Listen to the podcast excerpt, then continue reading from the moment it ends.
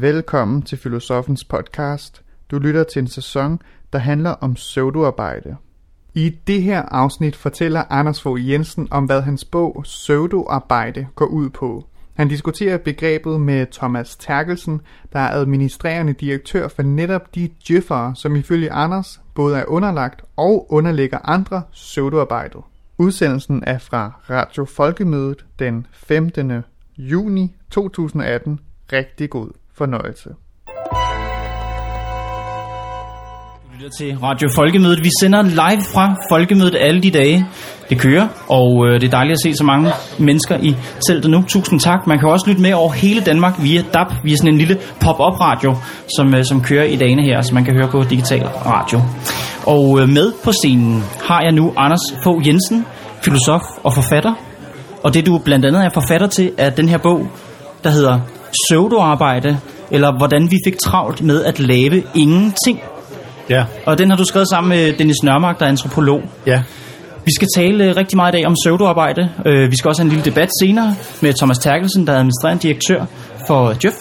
Og øh, fordi det er jo meget han, ham og hans medlemmer, som du lidt driller øh, i bogen, eller ikke driller, kritiserer vil jeg sige. Ja, det kan man.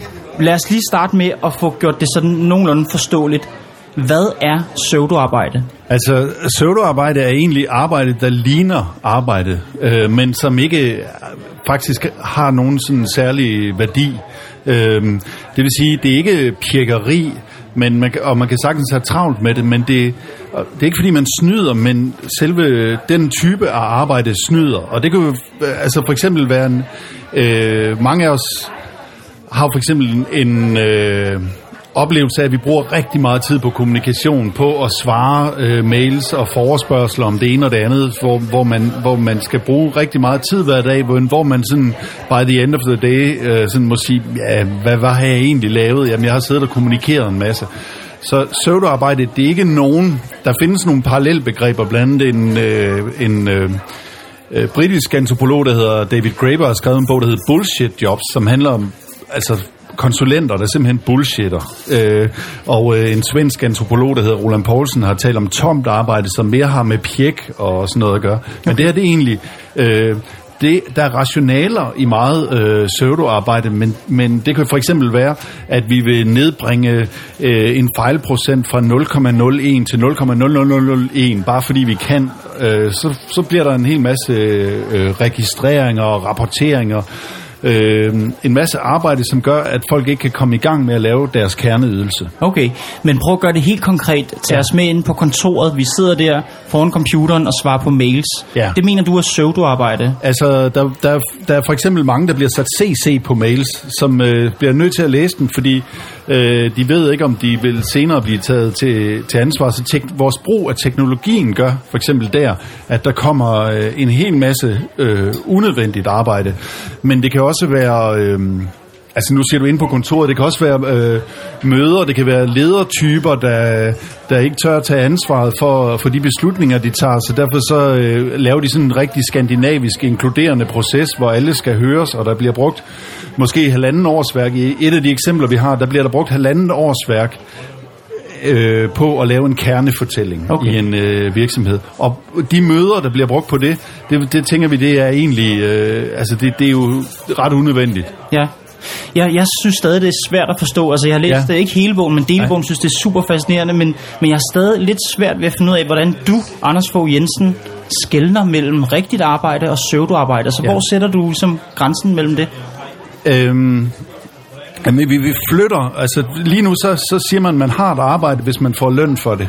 Og man har ikke et arbejde, hvis man laver nogle aktiviteter, som man ikke får løn for. Det synes jeg er et meget godt princip i øvrigt. Øh, øh, det men, vi mener, at der er meget af det arbejde, man ikke får løn for, som er reelt arbejde. Men der er også noget af det, man får løn for, som, som ikke er øh, øh, reelt arbejde. Det kan for eksempel være, øh, man skal man øh, hjælpe, man øh, hvad hedder det, man arbejder på et plejehjem, men man skal hele tiden registrere, hvor lang tid har du brugt på, øh, på den der ældre, hvor, øh, hvor mange gange har du målt øh, temperaturen på kartoflerne og, og så videre. Der er sådan en masse, øh, der gør, at man ikke kan komme til at lave selve kerneydelsen. Og jeg tror ikke, der er nogen, der arbejder på et plejehjem, der ikke er, der er i tvivl om, hvad kerneydelsen er. Eller det kan være i, i, mit, øh, i min søns vuggestue, der skal, der skal pædagogerne sidde hver dag og kommunikere til forældrene. Ja. Øh, de, det vil sige, de, skal, de kan ikke unddrage sig at skulle være kommunikationsmedarbejdere, samtidig med, at de egentlig skulle være pædagoger. Okay. Så en, øh, en, øh, en, en varmemester, hans Ja. kerneydelse, det er at sørge for, at der er varme. En skolelærers øh, kerneydelse, det er at undervise børnene. Ja. Øh, en, en plejehjemsmedarbejders kerneydelse, det er at tage sig af de ældre osv. osv. Og Ja. alt, mener du, der ligger uden for selve kerneydelsen, det er pseudoarbejde. Er det sådan, man skal forstå det? Nej, altså det kan meget vel være sysler, eller det kan meget vel være, at man bruger øh, øh, mødetid på at lære hinanden bedre at kende, eller at afstemme sin verdensbilleder lidt og sådan noget. Så det, det, er, det er ikke så, så simpelt, at det er dem, der bruger hånden, der laver reelt arbejde, og dem, der bruger hovedet, der laver pseudoarbejde. Men, men det, der bare er sket med effektiviseringen op igennem det 20. århundrede, det er, at vi har ikke frigjort dem til at have mere fritid, øh, eller til at have overlovsordninger, eller i det hele taget at forbedre vores liv. Nej, vi har, vi har lavet kontoret eksplodere.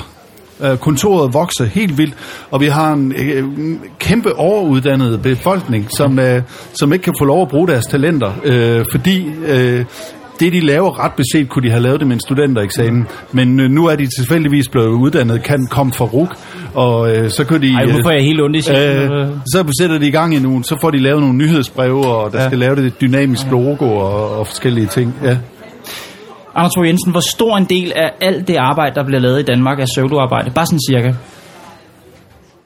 Altså, ja, det er jo det der journalistspørgsmål, som man nødt vil Det er jo svare fordi, jeg på. vil jo men gerne kende, jeg vil gerne Ja. prøve at fornemme, hvad er altså- omfanget af det her problem. Halvdelen.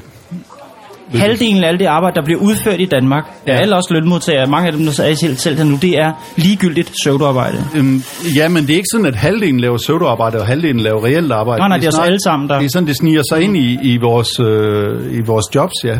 Og hvad så, kunne man sige? Altså, er der nogen, der lider skade af det?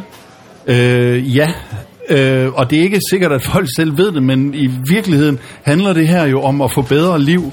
Og jeg tror, det er de færreste, der gerne vil bruge øh, en stor del af deres liv inde på kontoret. Det, det, det, det, det kan jeg ikke tro, at de i virkeligheden gerne vil.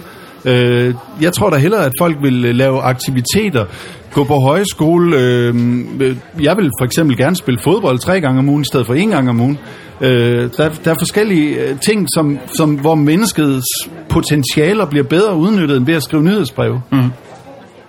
I bogen, der har du og Dennis Nørmark, eller til bogen, har I været ude at interviewe en masse mennesker. I øvrigt uh, interessant det her med, I siger i bogen, at for mange er det utroligt tabubelagt Ja. overhovedet at sige eller erkende, måske endda bare for sig selv, at noget af det arbejde, man laver, er fuldstændig meningsløst. Men ja. altså, I har fået nogle mennesker i tale, som enten udfører pseudoarbejde, eller i, i stor grad er påvirket af det pseudoarbejde, der bliver udført af andre i deres virksomheder. Kan du ikke komme med bare et par konkrete eksempler på det? Øh, jo, altså... Øh, det er vigtigt at sige, at det her det er ikke grundforskning eller sådan noget. Det er en debatbog, og vi har interviewet øh, en del mennesker. Vi har læst op på litteraturen inden for området og sådan noget. Øh, men vi har for eksempel øh, en fyr, som arbejder i et... Øh, han arbejder i et stor, øh, øh, på et stort juristkontor, og øh, der kæmper HR-afdelingen og øh, kommunikationsafdelingen, de kæmper om at vokse. Det vil sige, de prøver begge to at bilde ledelsen ind, at alting handler om kommunikation, og det hele er ikke noget værd, hvis ikke det bliver kommunikeret. Og HR-afdelingen prøver at bilde ledelsen ind, at hvis ikke man rekrutterer ordentligt, så er det hele ikke noget værd. Så man kæmper ligesom for at få flere og flere under sig. Og fyren her, han sidder jo også og Øh, altså bliver brugt to måneder på at lave et øh, dynamisk logo for eksempel og han, øh, han går ned øh, klokken 6 om aftenen for at tage hjem og så ser han, der holder lige så mange biler nede i parkeringskælderen, som der gjorde kl. 12. Og så går han op igen, og så laver han nye systemer i sin indbakke, og sorterer dem på en anden måde, øh, og sådan noget. Fordi han kan ikke gå hjem. Og det er fordi, vi har, vi har, en, for, for, vi har nogle uheldige ting for industrisamfundet, som er, at vi har fået bundet tid og arbejde og penge intimt sammen. Og det gav mening, når man skulle lønne folk for at sidde ved et samlebånd, at, øh, de, at de skulle være der, eller det giver mening, at en pædagog bliver lønnet i tid, fordi det er den tid, man skal lægge.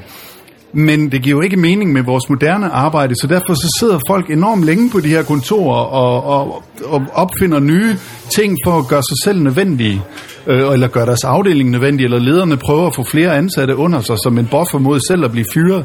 Og det er alle sammen rationelle løsninger, men i det store hele er de ufornuftige. Mm. De har deres rationaler hver især. Mere kommunikation er godt, mere sikkerhed er godt, mere sundhed er godt. Det kan man ikke være imod. Mm. Men det, er bare ikke, det fører bare ikke til de liv, som vi gerne vil leve.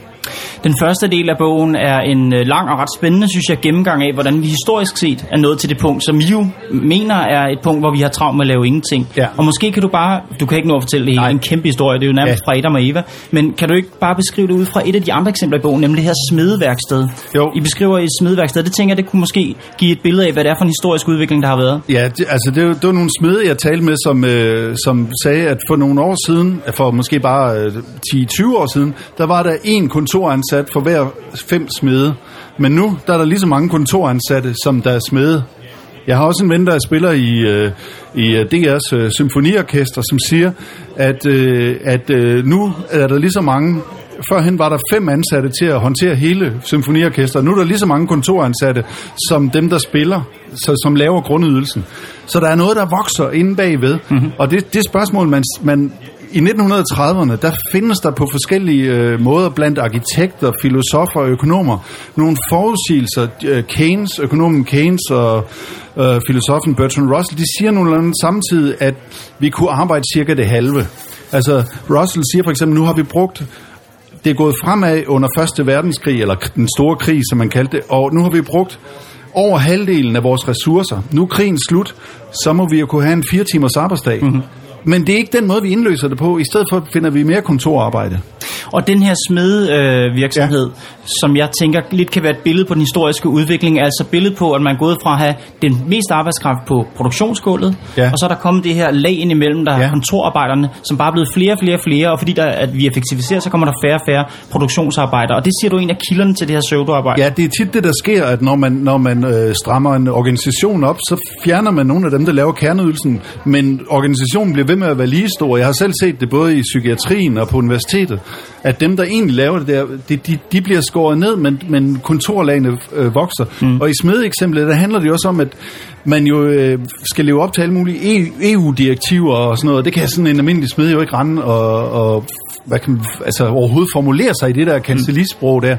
Så derfor så, øh, så vokser hele den der øh, kontor, og måske er det for, at der ikke, fordi der en gang er brændt, bræst en bygning sammen et eller andet sted, så må der være en, et direktiv, der øh, sikrer, at det aldrig sker igen og sådan noget. Men det spørgsmål, vi ikke stiller os, det er, hvad koster det egentlig at få øh, fejlprocenten fra 0,1 til 0,001? Det kan være ekstremt dyrt i liv, altså.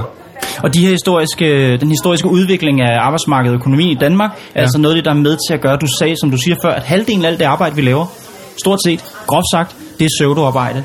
Øh, Ja. Der er noget i mit hoved, der eksploderer, og det handler om, at, at den opfattelse, jeg har af, af vores samfundsmodel og økonomi og arbejdsmarked, det er, at det handler om udbud og efterspørgsel. Ja. Det handler om, at enhver arbejdsgiver på et hvilket som helst tidspunkt vil altså bruge så lidt Altså så få ressourcer til at skabe så meget værdi og så meget øh, overskud i virksomheden som overhovedet muligt. Så hvis man er Ja. bare nogenlunde fornuftig i hovedet som arbejdsgiver, så kan man da på ingen måde acceptere, at der laves pseudoarbejde i en virksomhed. Øh, jo, det kan man godt, fordi, og det, det vil jeg øvrigt også sige, at, at vi har undersøgt, det, det offentlige har jo været kritiseret meget, men det private øh, spiller lige så mange ressourcer. Og noget af det, det er jo for eksempel, at, altså, at lederne, de er lidt ligesom teenagepiger, ikke? De, hvis de ser, at de andre har noget, så vil de også have det. Øh, så hvis de andre har en eller anden compliance, eller en strategi, eller en, en politik, en stresspolitik, eller en fraværspolitik, eller et eller andet, så skal vi også have en. Og så får de lavet sådan en, og så står den i en fin mappe på reolen. Men enhver ved godt, at hvis der er en, der går ned med stress, så er- bliver det et spørgsmål om personlige egenskaber, om hvordan skal vi håndtere den her situation. Det skal ikke være at stå og kigge ned i, i stresspolitikken. Mm. Vi har en kommunaldirektør, som siger, ja, øh, den her stresspolitik, jeg kigger aldrig i den. Øhm, men det kan man bruge, eller sådan nogle øh, værdisæt, som gerne hænger øh, øh, Ja. i enhver virksomhed. Det kan man Ja. bruge masser af ressourcer på, så det, det er overraskende nok, at det foregår. Så er det også det, det er ikke så slemt i Danmark som i udlandet, men i meget store organisationer, der, har, der er der ingen, der har overblikket. Så der er simpelthen nogen, der også render, og vi har, vi har interviewet en, der øh, der, der tog en MBA, så han var væk fra arbejdet noget tid. Så da han kom tilbage, så lod han bare være med at komme på arbejdet. Han var ikke på sin arbejdsplads i et helt år, mens han fik løn.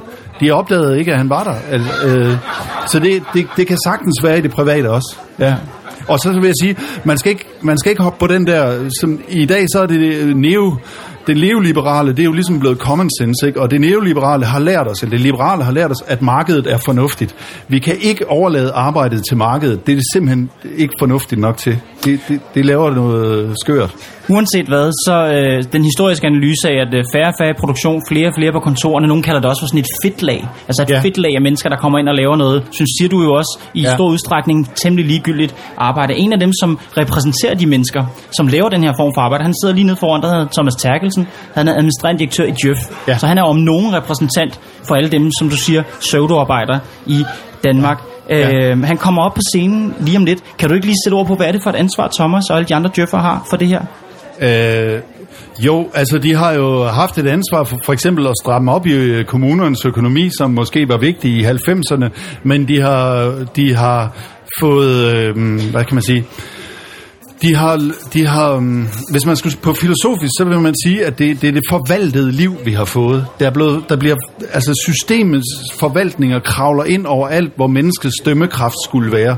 Så hvis du arbejder på et øh, psykiatrisk bosted for eksempel, så skal du øh, krydse af hver dag, om folk de smækker hårdt med døren, eller, eller om de råber mere, end de plejer, eller sådan mm. noget. Så, så systemet, det bliver systemets verden. Vi kender jo alle sammen det der med, at vi er oppe hos lægen, og han sidder med hovedet inde i skærmen. Ikke?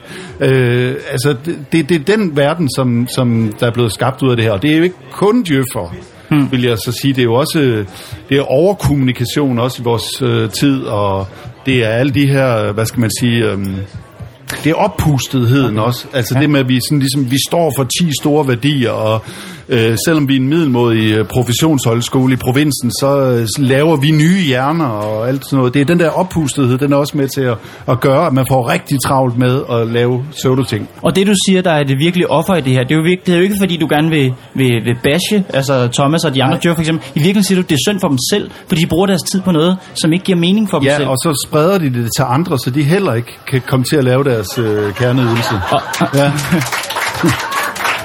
Og Thomas skal nok få lov til at øh, øh, forsvare sig. Jeg vil bare lige høre, hvad synes du, vi skal gøre for at nedbringe den her? Det er jo halvdelen af alle vores arbejde, der er pseudoarbejde. Siger du, skal vi fyre halvdelen af alle djøfferne, eller hvad, hvad kunne du godt tænke dig? Altså, vi kunne jo starte med at prøve at bringe arbejdsugen ned. Øh, og prøve at sætte den ned til, hvad ved jeg, 25 timer, og så se, om vi ikke kunne nå det alligevel. Ja. Øhm, og så, fordi så kunne det være, at der var nogle af de der overflødige ting, vi lå være med. Hvad skal vi gøre med, øh, hvis jeg er timelønnet, så skal jeg så have mere i timeløn, eller hvordan vil du løse det? Øh, ja, for det, jeg, vil, jeg vil gerne afskaffe timelønnen. Åh oh ja, det er det med borgerløn også. Uh, ja, det kan, det kan også være ja. en model for det, men det, det er en anden ting. Men, men man kan godt man kan, man kan lønne dig for, hvor meget radio du laver, ja. i stedet for at sige, du får så mange penge for at sidde hen på kontoret. Okay. Ja. Det vil jeg lige tænke lidt over, om jeg har ja. lyst til, uh, inden min næste lønsamtale. Og lad os få Thomas Terkelsen ja. op på scenen, som altså er administrerende direktør for Djøf.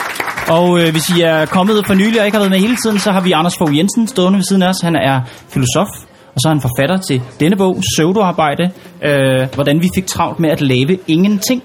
Øh, en ret provokerende bog. Jeg kan anbefale at læse den. Jeg tror også, jeg ved ikke, om du har læst den, Thomas. Du har i hvert fald kigget i den, ikke? Jeg har læst, når jeg er provokeret. Du er provokeret. og øh, jeg vil lige spørge, om du er enig i præmissen. Altså, at meget af det arbejde, op mod halvdelen, siger Anders, som vi laver os alle sammen, det er ja, det er meningsløst eller spild af tid. Er du enig i det? Nej, det er jeg absolut ikke enig i. Okay. Og jeg synes jo, det er en, en ret vanvittig påstand. Altså jeg synes øh, egentlig så, da jeg startede med at læse bogen, så tænkte jeg, det, det lød egentlig meget fornuftigt, at jeg kunne få lov til at arbejde noget mindre. Øh, det, det var jeg egentlig meget glad for. Og, og så tænkte jeg også øh, for det andet, at øh, I peger jo også på, at der er en række situationer, hvor man netop kommer til at overadministrere og lave, lave for meget dokumentation og rapporter osv. osv. Det vil vi bestemt også godt købe ind på. Det sker absolut nogle gange, både i den private sektor og i offentlige virksomheder. Men derfra, så må jeg bare sige, så kører I jo med 110 km i timen i, i hegnet. Altså, øh, Altså at påstå, at hal, halvdelen, og det er jo, jeg mener, det kære venner, det er jo godt være alle djøfferne, der er jo trods alt kun øh, i kommuner, der er omkring 2% djøffer, ikke? Selv hvis, selv hvis nu det var spild alt det, de lavede, ikke? Øh, hvilket jeg ikke mener, det er. Øh, men selv hvis nu det var tilfældet, så er der altså ret mange tilbage, som heller ikke laver noget åbenbart. Mm. Det er jo fuldstændig i hegnet, må jeg okay. bare sige, øh, den, den påstand. Men så må du lige fortælle mig her, og nu skal du lægge hånden på hjertet, som man så smukt siger, Thomas, og så skal du... Ja, for jeg tænker sådan en som dig sidder til sindssygt mange møder. Er det ja. rigtigt? Ja. Har du nogensinde siddet til et møde og tænkt, altså kigget op i loftet og tænkt, det her, det er spild af min tid og alle de andres tid? Det kan jeg love dig. Okay. Hvor mange af de møder, du sidder til, tænker du, det her er spild af tid? Ikke særlig mange, for de fleste af dem bestemmer jeg sådan set selv, øh, skal holdes. Tror du, der er nogle af de andre, som du indkalder til møder, tænker, det her, det er sgu spild af tid. Oh yes. Okay. Oh yes. Det lyder som om, du anerkender, at der er pseudoarbejde i Danmark. Ja, det gør jeg. Det gør jeg bestemt. Og jeg, jeg tror, at det er noget, det, jeg tror, at du har en pointe i, at det her det er noget, som hele tiden vokser. Hvis ikke vi er meget opmærksomme på det og hele tiden kigger efter, er der nu egentlig en grund til, at vi, vi gør det her. Mm-hmm. Problemet er bare, når, du, når I begynder at sige, at det er 50 procent, og at folk faker det, og i øvrigt godt ved, at det er spild, og alligevel laver det, øh, øh, fordi det er spild. Og, og øh, det, det er jo, i den her definition er det jo jer, der bestemmer, hvad der, hvad der er pseudoarbejde, og hvad der ikke er pseudoarbejde. Øh, jeg, må, jeg må sige, det er, jo, det er jo, altså, der, der er jo folk, som sådan set sætter gang i de her ting, ikke? Ja. både offentligt og privat. Du skal nok få lov at svare, ja, ja. Anders, men øh, inden da, så har jeg bare et enkelt spørgsmål mere, Thomas, fordi noget af det, der, der bliver beskrevet flere gange i bogen, det er, at det her pseudoarbejde er meget tabubelagt. Altså, det er noget, folk ikke har lyst til at tale om. Det er også klart, fordi man virker som en idiot, hvis man siger, at halvdelen af det, man laver, det, det er ligegyldigt. med. altså, øh, Anders og Dennis skriver, at folk ikke engang fortælle deres kone eller deres mand om det, hvis de ikke har noget konkret at lave på deres arbejde. Hvad, hvad tænker du om det med, at det, at det er tabubelagt? Jeg tænker, det er ret smart sagt, ikke? Fordi hvis jeg så siger, at, øh, ja. at jeg ikke laver noget, ja. så er det jo bare fordi er tabu for mig, at jeg ikke tør, øh, tør indrømme det, ikke? Øh, men, øh, men jeg vil sige, bortset fra det, så det, det I jo i særdeleshed siger at, at tabu, det er jo i virkeligheden påstanden om, at, at folk går på arbejde og lader som om de laver noget, og ikke gør noget, og så går hjem igen. Og den påstand må jeg bare sige, den kan jeg se, altså I, jo, I har fundet et par eksempler, som, som åbenbart, hvor der åbenbart er nogle mennesker, der synes det. Men jeg kan ved Gud ikke genkende det, hverken på mine medlemmer, eller de mennesker, jeg kender, eller min egen hverdag. Anders Fogh Jensen, du er nødt til at fortælle os, hvor du ved alt det her fra. Ja, ja, for det første, så vil jeg sige, det er ikke os, der starter med at sige, at de laver pseudoarbejde. Vi annoncerer bare på de sociale medier efter folk, der har travlt, og så henvender folk sig selv, og jeg lover, at vi kunne have interviewet 10 gange så mange. Øh, så folk kommer selv og fortæller om, hvad, hvad de laver øh, på deres arbejde. Hmm. Det, det vil jeg sige for det første. Øh, for det andet, så det der, du tematiserer med, at det er tabu. Ej, jeg vil godt lide den der, det der med, øh, at når jeg siger op imod 50 procent, og, og du siger, det er slet ikke rigtigt. Altså, socialrådgiver for eksempel, de bruger 81 procent af deres tid på at øh, administrere. Og det vil sige, at den tid kan de ikke bruge sammen med klienterne, men det handler jo om, jeg har selv været med til at uddanne socialrådgiver, og det handler om, for alt i verden, cover my ass, vi må ikke få en ny øh, tøndersag i vores kommune. Øh, det handler om, at vi må ikke begå fejl, og det fører til utrolig meget administration og forvaltning. Mm. Hvad, altså Thomas, hvad tænker du om det? Øh, vi, vi har jo et samfund, som i høj grad i mange, mange årtier er gået efter at effektivisere og øh, undgå fejl og alle de her ting. At, har det taget overhånd? Jeg tror helt klart, øh, det kan man sige, det er jo også det, som øh, altså Folketinget snakker om nu, en sammenhængsreform og en afbiokratisering osv. Jeg tror helt klart, at der, der er noget i at kigge på, hvornår registrerer vi for meget, hvornår bruger vi for meget af vores tid på at administrere. Gør, jeg tror, gør vi det nu? Gør vi det nu? Ja, det tror jeg. Okay, gør. gør vi for, altså, men igen, nu bliver det jo sådan en hvor meget for meget diskussion, ikke? Ja, men det... Der... Du siger, at halvdelen af arbejdet, det, det, er langt fra det der tilfælde. Hvor stor en procentdel ja, af det administrative der... arbejde, der bliver udført i Danmark, mener du er ligegyldigt eller overflødigt? Der tør jeg på ingen måde være lige så skråsikker sikker som Anders. 20 procent? Det må jeg bare sige. Det tør jeg på ingen måde 10 procent? Der kommer ikke noget. Ah, okay. Øh, du får også hug i bogen, eller øh, du og andre fagforeninger får hug i bogen, øh, fordi Dennis Nørmark og Anders Fogh Jensen ikke mener, at fagforeninger kæmper den rigtige kamp. Fagforeninger kæmper alt for meget om at få lønningerne til at stige. I stedet for så skulle, det, skulle fagforeningerne lave en frihedskamp og sige til deres medlemmer, I skal, jeg kan lige læse op fra et interview, som du lavede, Anders og Dennis ja. lavede, samt øh, til Altinget, hvor I siger, at fagforeningerne bør opfordre til civil ulydighed. De skal sige til medlemmerne, at de skal gøre det vigtige arbejde, og så skrotte alle de skemaer skemaer og alt det arbejde, som ingen mening giver. Og hvis systemet så brokker sig og fyrer vedkommende, så skal fagforeningen føre sagen og satse den bunende strækkekasse på, at medlemmerne kan føre en frihedskamp. Har du lyst til at lave sådan en frihedskamp i Danmark? Nej, det har jeg ikke. Og hvorfor har du ikke det?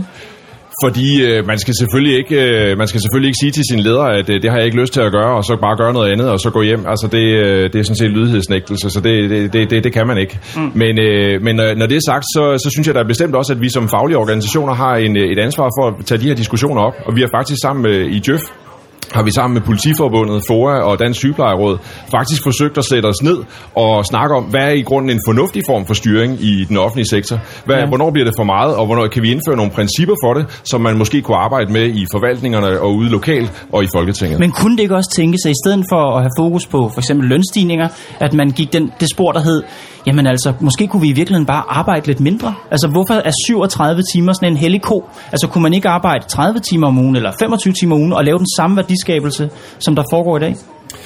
Jo, altså, det, det, altså sagen er jo, øh, I, I har jo også et eksempel hvor med, med knappenål, der, vi, hvor I viser, at, øh, at man kunne egentlig bare nøjes med, hvis nu man blev dobbelt så effektiv til at lave knappenål, så kunne man arbejde kun halvdelen af tiden, og så, øh, og så var det hele fint med det. Og så synes I, det er åbenbart det er et problem, at det, der typisk sker i sådan en situation, det er jo, at folk finder på noget andet at lave, og så bliver der en mere produktion, og så arbejder vi lige så meget. Men sagen er jo, at vi bliver rigere, når vi gør det på, på den måde. Mm. Og, og på den måde er det jo sådan, altså vi, vi er jo meget rigere i dag, end vi var for 30 år siden, og det vil sige, at man kan sådan set godt arbejde 30 timer øh, om ugen i dag, og have den samme velstand, som man havde for, for 30 år siden. Det er jo et personligt valg, og der er det jo jeres synspunkt, at det, det bør vi gøre. Vi bør arbejde mindre, og øh, hvad hedder det? Men det kommer jo til at give en mindre værdiskabelse. Blandt andet, fordi jeg ikke tror på, at halvdelen af det, vi laver, det er, det er søvdearbejde. Anders Fogh Jensen, du sagde før, da vi talte om det her med, med arbejdstid, at man kunne også overveje bare at lønne folk for det, de laver, ja. og så give dem fri bagefter. Ja, fordi... men, men noget af det, som sikrer, at jeg har et familieliv og en ordentlig hverdag, det er jo min overenskomst. Det er, at der er overenskomst på, hvor meget jeg skal arbejde i virksomheden, og ikke et minut mere. Og hvis jeg arbejder et minut mere, så skal jeg have afspacering for det. Er du ikke bange for, hvis du siger, at men vi kan da bare lønne folk for, øh, for, øh, for når de har udfyldt deres arbejde, at folk får skide travlt? Øh, nej, det er jeg egentlig ikke bange for. Altså, jeg tror, det er det, at vi har bundet overenskomsterne så meget op på tid, der gør, at vi hænger fast i, i, øh, i øh, industrisamfundets øh, øh, logik på alle mulige måder, og den, øh, den vi slet ikke, vi slet ikke givet øh, jeg vil slet ikke, altså arbejdet, der er noget arbejde, som, som for eksempel en buschauffør, han skal jo ikke køre hurtigere, for eksempel. Mm. Øh, han skal jo ligesom holde på de der tidspunkter, ikke? Så, så det, han skal jo holde et tidsskema, eller en pædagog skal passe nogle børn. Øh, men meget af det andet, det vil folk jo finde øh, nemmere løsninger at lave, eller de vil være med at sætte så meget i gang. Mm. Det så man med postbudene, dengang de ikke skulle arbejde på tid, men skulle bare dele øh, en vis mængde breve ud, ikke? Altså, de, i min barndom, der havde de altid fri kl. 11, de mødte os tidligt, men de havde ligesom det der incitament, og det man, det man, det man gør nu, når man effektiviserer, det er, at man, man giver ikke man giver ikke medarbejderne den, øh, hvad skal man sige, bonus af effektiviseringerne. Mm. Men man siger bare, at I skal være der lige længere, så kan I også nå noget mere. Okay. Øhm, så det er det, jeg mener. Altså, fagforeningerne, de har været medskyldige i det her, fordi de, for at holde lønnen op, så har de prøvet at holde arbejdsugen op. Men hvis vi, hvis vi løsner penge og tid fra hinanden, så kan man godt kæmpe for en høj løn, okay. og samtidig øh, få en lavere arbejdsuge. Thomas Erlen, du får sidste indspark her. Kommer I til at løsne op for det med sammenhæng mellem øh, tid og løn? Nu er cirka halvdelen af alle djøffer, de er sådan set ansat i den private sektor, og der stort set ingen af dem har overenskomst. De, øh, de arbejder, øh, de har en, en løn, og så udfører de det arbejde, de skal. Så det er sådan set, der er vi sådan set over i det system, som, som du øh, kender til. Og jeg skal bare hilse at sige, at deres problem er typisk ikke, at de ikke kan få tiden til at gå. Deres problem er at nå tingene inden for bare en nogenlunde normal arbejdsuge. Ja. Tror, du, der bliver, tror du, der bliver en fremtid, Thomas, hvor vi arbejder væsentligt mindre, end vi gør nu? Fordi vi er så utrolig effektive, og maskinerne gør halvdelen af arbejdet. Der er ingen grund til, at vi sidder inde på det kontor. Jeg, eller kan, ikke, jeg kan ikke se 30 år frem i tiden, men jeg kan ikke se det for mig de næste øh, fem år. Nej. Mm. Og det synes jeg jo er vanvittigt, fordi vi, der kommer jo øh, teknologiske forandringer nu her. Det bør vi med kunne udnytte til at få en lavere arbejdsuge og få mere tid. Fordi så det, der jo også sker med os nu, når vi arbejder så meget, det er, at vi orker ikke andet end at se tv-serier, når vi kommer hjem. Men, men vores liv vil også være anderledes, hvis vi kun arbejdede fire timer om dagen. Nogle danskere orker i hvert fald at tage til folkemøde. Tak fordi I kom i studiet, og tak ja. til jer på scenen. Thomas Terkelsen, administrerende direktør for Djøf, og Anders Fogh Jensen, filosof og øh, forfatter til Søvdearbejde. Radio Folkemødet i samarbejde med Teacom.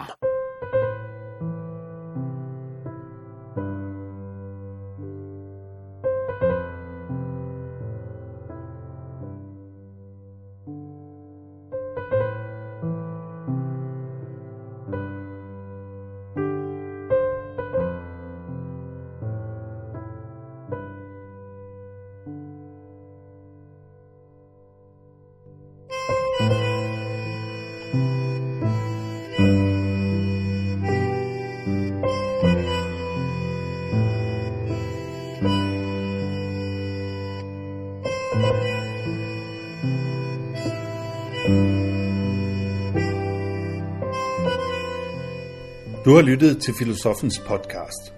Se mere på min hjemmeside filosofen.dk og tag med mig på dannelsesrejse.